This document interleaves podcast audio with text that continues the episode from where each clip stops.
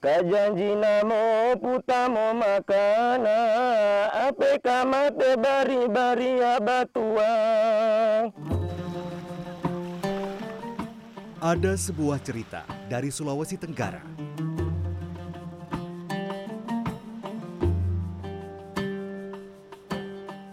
Cerita tentang jejak peradaban Islam masa Kesultanan Buton yang masih terjaga hingga kini. Tradisi mereka menjalankan ibadah di sebuah masjid kuno.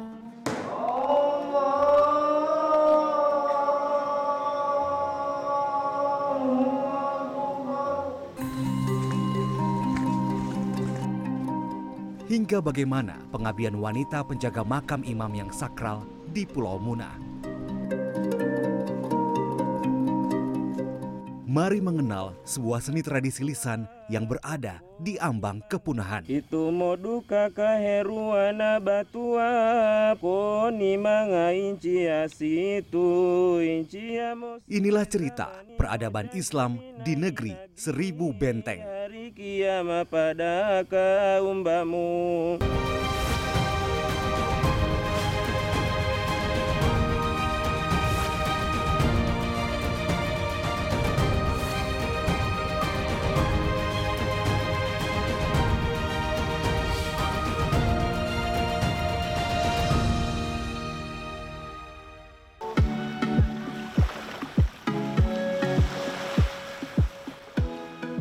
Berada di Tenggara Sulawesi, Pulau Buton menyimpan banyak kisah.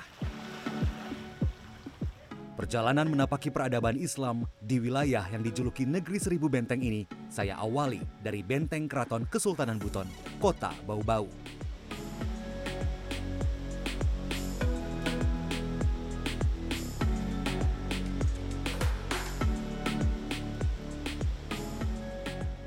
Masjid Agung Keraton Kesultanan Buton adalah salah satu masjid tua di Pulau Buton. Lokasinya di dalam wilayah Benteng Keraton Kesultanan Buton. Merupakan bentuk akulturasi dari berbagai tradisi di Nusantara. Atapnya ini dibangun berbentuk limasan yang disusun bertumpang dua. Atap bangunan bertumpang seperti ini banyak ditemukan di bangunan masjid-masjid kuno di Indonesia. Sementara dinding berlekuk di kiri kanan tangga masuknya ini mirip seperti tangga yang terdapat pada candi-candi di tanah Jawa.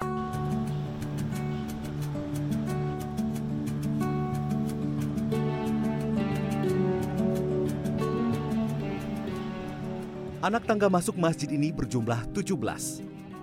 Sama dengan jumlah rokaat sholat dalam sehari. Sementara 11 jendela dan satu pintu merupakan analogi 12 lubang pada manusia.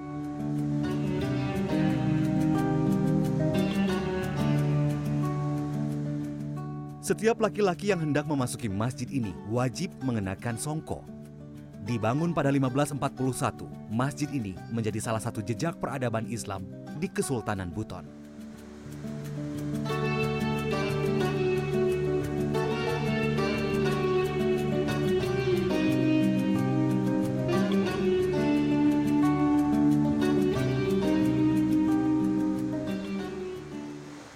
Islamisasi itu datang pada tahun 1412. Datang lewat Kamaru dan pembawa Islam pertama adalah Syekh Jalaluddin Akbar berasal dari Patani.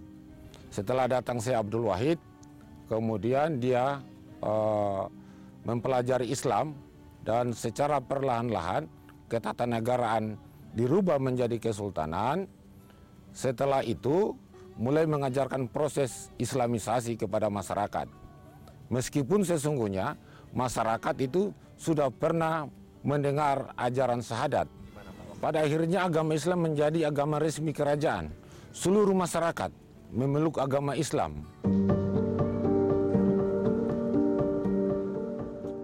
Masjid Agung Keraton Kesultanan Buton memiliki perangkat masjid yang disebut Sarakidina atau Sarana Hukumu.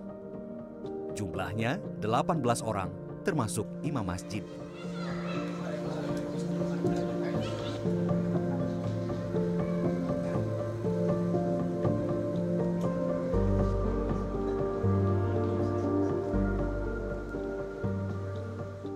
Nah, di dalam 18 orang itu ada yang dinamakan Tungguna Aba. Tungguna Aba itu istilah sekarang katanya bahasa Indonesia tempat bertanya. Ya. Ada istilah itu dari kalangan Moji atau Walaka. Nah, jadi eh, Tungguna Aba ini adalah sebagai koordinator. Kalau misalnya ada pelaksanaan-pelaksanaan eh, sifatnya keagamaan atau sifatnya budaya. Ada tradisi menarik di masjid ini. Sarana Hukumu melakukan sejumlah ritual khusus setiap sholat Jumat.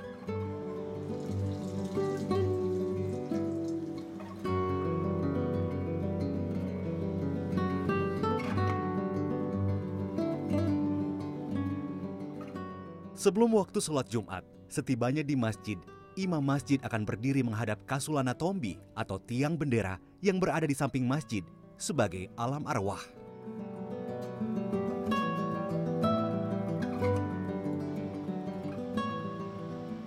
Kasulat Tombi itu adalah kita melirik. Ya. Kita melirik dan berzikir ya, sesuai yang dikehendaki. Nah, bagaimana lautan itu kita minta rezeki ya, isinya lautan, kita minta rezeki supaya dinaikkan di darat untuk kemaslahatan eh, semua makhluk. Kemudian, imam meminta izin kepada lakina agama untuk memanjatkan doa di Serambi sebagai alam mitsal. Kita minta keselamatan eh, manusia-manusia yang langgar di lautan.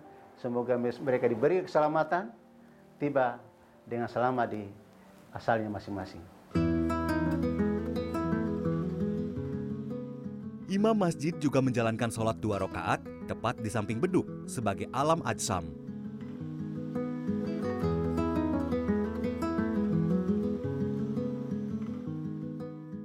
Untuk menuju mirhab yang dianggap sebagai alam insan, sang imam berjalan di atas kain putih.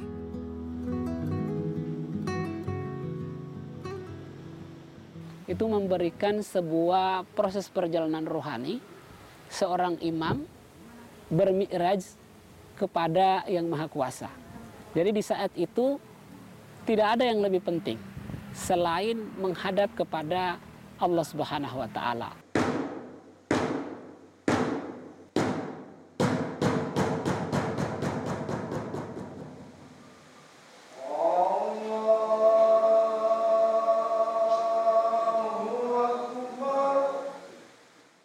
Azan penanda waktu sholat Jumat di masjid ini sedikit berbeda. Azan dikumandangkan oleh empat orang.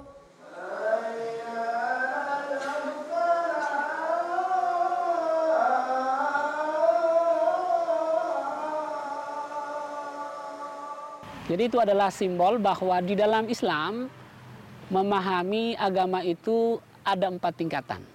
Ada yang hanya memahami syariat itu sendiri, kemudian ada yang memahami tarikat, dan ada yang memahami hakikat, dan bahkan ada yang memahami makrifat kepada Allah Subhanahu wa taala. Maka keempat kelompok ini diundang. Azan itu kan undangan untuk melaksanakan salat. Tata cara khatib berkhutbah di masjid ini pun berbeda. Sebelum berkhutbah, khatib meletakkan sebuah tongkat di antara jari kaki seraya memanjatkan doa.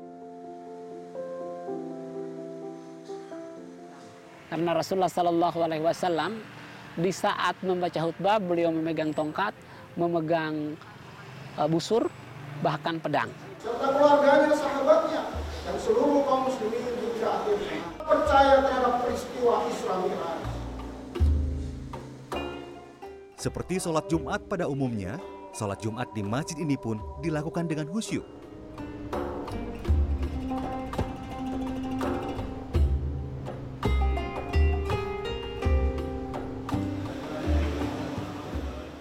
Usai sholat, sarana hukumu berzikir.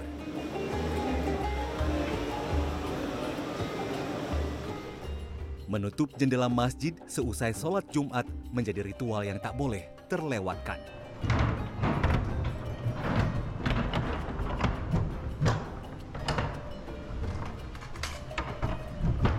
Menutup jendela itu artinya meminta kepada Yang Maha Kuasa untuk menolak semua malapetaka yang datang, kecuali yang betul-betul telah menjadi takdir dari uh, setiap orang. Tapi kalau malapetaka itu masih bisa dijauhkan, misalnya wabah, berbagai macam jenis penyakit dan lain sebagainya, maka diminta kepada Yang Maha Kuasa untuk dijauhkan.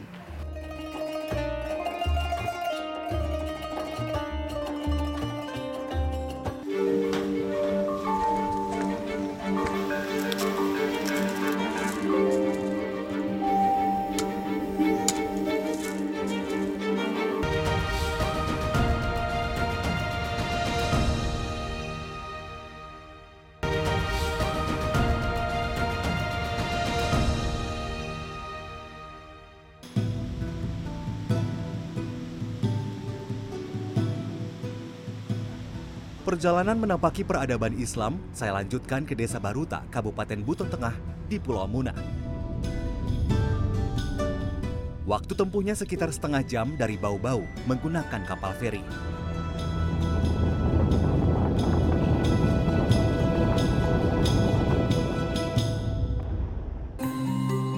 Di sini terdapat makam Sang Yawambulu, seorang tokoh Islam era Kesultanan Buton yang dihormati. Saya bertandang ke rumah sang penjaga makam yang disebut Kabolosi oleh penduduk setempat. Namanya Kudusia.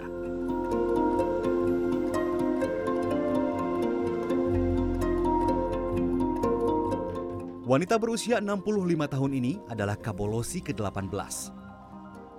Ia dilantik menjadi Kabolosi pada 2014. Untuk menjadi Kabolosi ada syaratnya. Janda yang telah menopause dianggap suci oleh masyarakat setempat. Uniknya, seorang Kabolosi tidak boleh keluar rumah hingga akhir hayatnya. Dan seorang kabolosi tidak boleh keluar rumah kecuali untuk keperluan ritual ataupun ke bawah untuk mandi, cuci begitu ya, Iya. MCK kegiatan MCK. Tapi untuk lainnya tidur, makan, memasak hanya boleh dilakukan di dalam rumah dan dan di belakang saya ini adalah kamar dari seorang kabolosi yang disebut ruang kabarakati yang artinya keberkatan begitu. Karena di dalamnya ada berbagai warisan dari Imam Sangyawambulu dan tugas seorang kabolosi untuk menjaga warisan-warisan itu untuk tetap utuh terlindungi ya, Iya. tidak tercuri, tidak dirusak oleh orang lain. Kenapa akhirnya ibu mau menjadi seorang kabolosi? Saya ikhlas. Ikhlas, walaupun tidak ketemu anak cucu begitu di luar, Ah, Dia datang. datang ke sini. Ya, Begitupun bila ia sakit. Tidak bisa. Jadi harus Dia datang di sini. Dia datang ke sini. Iya, dia obat saya. Selama mengabdi sebagai penjaga makam Sang Yawambulu, Kabolosi didampingi oleh dayang-dayang yang disebut Owa'a. Jumlahnya enam orang. Sanawe salah satunya. Keturunan dari mamaku. Mamaku juga jadi owa. Tapi di rumah besar ini kita ada kalau ada orang datang kita datang di sini. Eh, Ada tamu tuh tamunya nenek yang baca-baca doa. Jadi kita datang kita juga dipanggil nenek tuh. Katanya ada orang datang jadi kita datang di sini. Kesetiaan Kabolosi dan Owa'a sebagai penjaga makam membuat saya ingin mengenal lebih dekat siapa sebenarnya Sang Yawambulu. Dia anak dari uh, murhum yang kemudian meninggalkan wilayah ini menjadi penjaga di, meminta wilayah untuk berada di Baruta, kemudian mendirikan masjid di Baruta, menjadi imam masjid pertama. Nah, kemudian menjadi palang pintu untuk orang-orang yang masuk di wilayah Kesultanan Buton. Dalam beberapa tradisi berdasarkan cerita Likfoot bahwa Ternate pernah menyerang Buton yang dibawa oleh Babula akan tetapi dihadang oleh Sang Yawambulu. Cerita berbeda datang dari Hamzah, imam makam Sang Yawambulu. Dia memang sengaja untuk mengasingkan diri, ah, bukan itu minta wilayah, bukan minta itu wilayah, bukan. Eh, hanya sebatas mengasingkan diri untuk bisa eh, merenungi tentang bagaimana nih ini yang namanya kehidupan. Kekuasaan itu eh, seperti raja atau kesultanan yang namanya pimpinan ya, yang bisa disanjungi oleh para umat yang bisa dimuliakan itu oleh para umat. Abel itu dia tidak mau mau dimuliakan dan mau disanjungi Pada masa Kesultanan Buton, Sang Yawambulu diangkat menjadi Imam Masjid Agung Keraton Kesultanan Buton. Tak ada yang tahu persis kapan dan mengapa ia meninggal. Namun, berdasarkan cerita turun-temurun, Sang Yawambulu memiliki pengetahuan Islam yang mendalam dan dikenal sakti. Karena itulah warga mengkeramatkan makamnya. ziarah dan eh, mengunjungi makam karena ini memang makam tua dan memang makam yang istilahnya masyarakat di sini dikeramatkan ya. Samping itu juga saya ada beberapa eh, ada semacam bisikan lah yang mengharuskan saya datang ke sini. Ini mungkin bagian dari perjalanan saya. Tiba waktunya Kabolosi dan para Owa'a berziarah ke makam Sang Yawambulu. Bara api disiapkan di dapur rumah adat.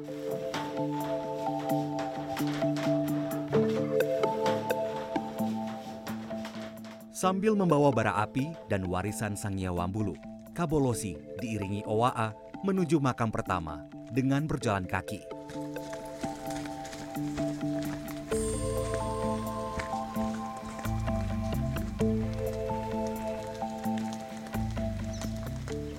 Kabolosi dan para pengikutnya ini sangat menjaga tradisi. Jadi sebelum mereka melakukan uh, ziarah ke makam Sang Nyawambulu, mereka terlebih dahulu berziarah dan berdoa dulu di makam ini. Ini adalah makam para Kabolosi terdahulu. Jadi Kabolosi yang sudah meninggal dunia, mereka akan dimakamkan secara khusus di satu lokasi dan inilah makamnya. Di sini mereka melakukan uh, ritual seperti biasa, membakar uh, kemenyan, dupa, begitu.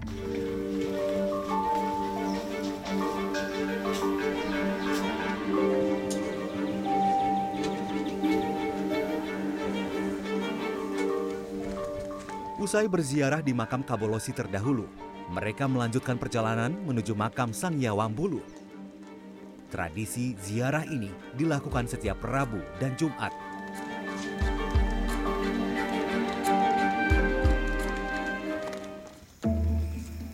Di dalam makam Sang Yawambulu, ritual ziarah dipimpin oleh seorang imam. Mereka masih menggunakan sesaji berisi sirih, pinang, gambir, kapur, dan tembakau.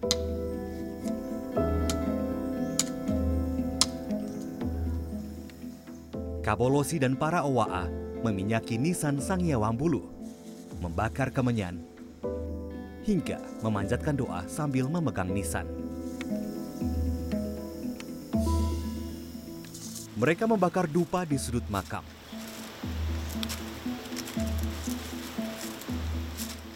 Ritual serupa dilakukan di makam-makam yang diyakini warga adalah makam para pengawal dan pengikut Sangya Wambulu.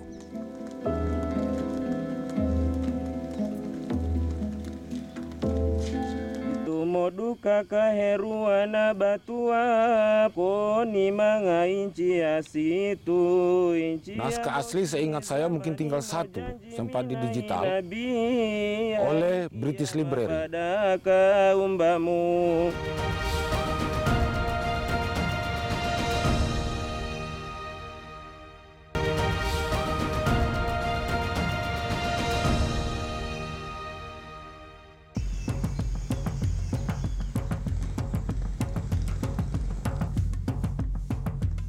Salah satu tokoh penting dalam sejarah peradaban Islam di Buton adalah Sultan Murhum Kaimuddin Khalifatul Khamis, ayah Sang Yawambulu.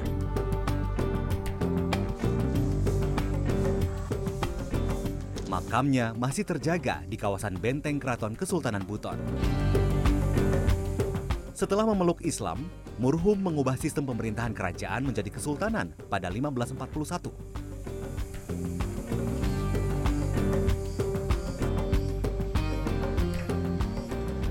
Hukum-hukum Islam eh, berupaya pelan-pelan, tidak secara sekaligus eh, dimasukkan menjadi bagian dari eh, sistem pemerintahan kesultanan. Dan itu proses itu berjalan hingga Sultan Buton keempat, Sultan Dayan Ihsanuddin baru semuanya rampung dibuat dalam sebuah konstitusi tertulis yang berdasarkan atas pandangan dan cara berpikir yang islami. Seiring berjalannya waktu, ajaran Islam berkembang dan menjadi akar seni budaya masyarakat Buton. Kabanti salah satunya.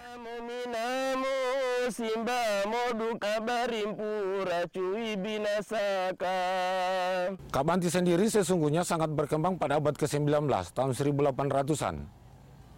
Sesudah Muhammad eh, Idrus Kaimuddin menjabat menjadi Sultan Buton yang ke-29. Nah, masa itulah yang selalu saya sebut masa puncak kejayaan Islam. Karena pada masa itu banyak naskah-naskah yang ditulis dalam berbagai macam bahasa. Pada awal kemunculannya, Kabanti dilantunkan tanpa iringan musik. Naskahnya mengandung ajaran Islam yang kental.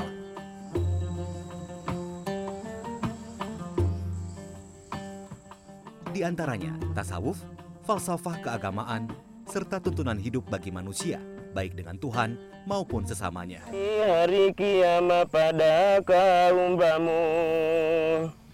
Nah, meskipun awalnya berunsur Melayu, seluruh Kabanti ini beraksara dan juga berbahasa Wolio. Ini dalam satu uh, syair, satu bait, biasanya setiap ujung kalimat, ini nadanya dinyanyikan lebih panjang. Begitu ya, Bang Iya. ya? Ini biasanya susah nggak sih belajar Kabanti ini?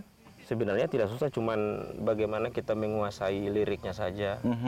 Ya. Jadi apa yang harus dimiliki seseorang ketika ingin belajar Kabanti? Yang pertama itu yang kita pelajari itu dari bagaimana nadanya diambil. Nada yang pertama sama, sama nada yang di bait kedua itu biasanya beda. Kenapa tertarik untuk mempelajari uh, seni Kabanti? Karena memang dari awalnya itu sudah dari kecil itu dengar-dengar dari nenek begitu baca-baca itu. Bagi Asri, ada rasa damai ketika melantunkan syair naskah Kabanti. Ya setiap kita melantunkan kabanti itu yang paling utama itu ya mengingat diri tentang perbuatan-perbuatan yang tidak benar, yang harus kita bisa merubah sikap dan perilaku terhadap semua orang. Meski masih eksis, seni Kabanti kini diambang kepunahan. Pelantunnya semakin sulit ditemukan di wilayah Buton. Kabanti sesungguhnya naskah-naskah paling tua itu sudah hampir tidak ada. Sekarang didapatkan dari proses salin menyalin. Naskah asli seingat saya mungkin tinggal satu sempat di digital oleh British Library. Nah setelah itu tidak ada lagi naskah asli. Semuanya sudah salinan-salinan. Nah dari salinan-salinan inilah yang banyak dibaca oleh orang. Perlu ada perhatian khusus dari pemerintah agar kesenian tradisional ini tidak punah tergerus zaman. Eh, kami sangat berharap kepada masyarakat yang memiliki dokumen ya, autentik maupun salinan untuk bisa melaporkannya kepada pemerintah daerah. Agar pertama kita bisa merawatnya, ya. terus kita dengan tentunya mempertimbangkan eh, regulasi, mungkin kita bisa eh, duplikasi misalnya. Sadar akan pentingnya menjaga eksistensi Kabanti, seorang guru SMA di kota Bau-Bau berinisiatif mendirikan kegiatan ekstrakurikuler Kabanti bagi murid-muridnya.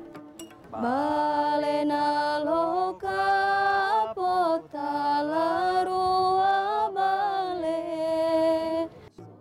Namun, Kabanti yang dipelajari sudah dimodifikasi dengan iringan alat musik seperti gambus, kendang, dan gitar. Sulit nggak waktu itu pada awal mula ekskulnya ini didirikan mengajak murid-murid untuk yuk ikut Kabanti susah nggak sih Pak?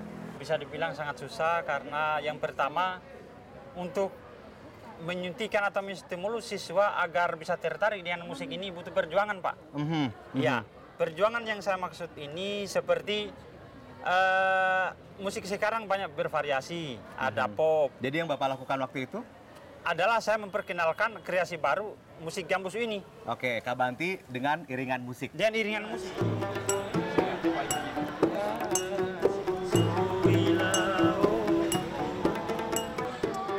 Didirikan pada 2019, kegiatan ekstrakurikuler Kabanti di sekolah ini beranggotakan tujuh orang pada Februari 2023. Mereka terdiri atas pelantun Kabanti dan pemain musik. Uh, awalnya susah karena uh, perkataan apa saat kita ucapkan kata perkata itu harus benar agar tidak merubah maknanya. Kalau dengan instrumen kita harus uh, memperindah dengan nada-nada yang uh, yang indah, dengan perkataannya juga itu, itu agak sulit bagi saya di awal-awal. Eh, yang pertama itu dia kalau bedanya di gitar, gitar itu memiliki fret, kalau ini tidak. Jadi dia mainnya eh sesuai perasaan begitu, pakai perasaan saja. Syair yang dinyanyikan masih berbahasa Wolio. Dengan tampilan lebih modern, mereka berharap seni Kabanti tetap ada dari generasi ke generasi.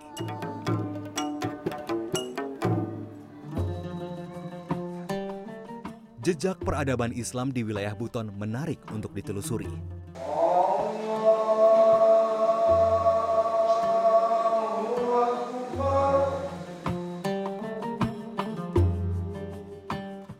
Ada makna di setiap ritual keagamaan yang dijalani.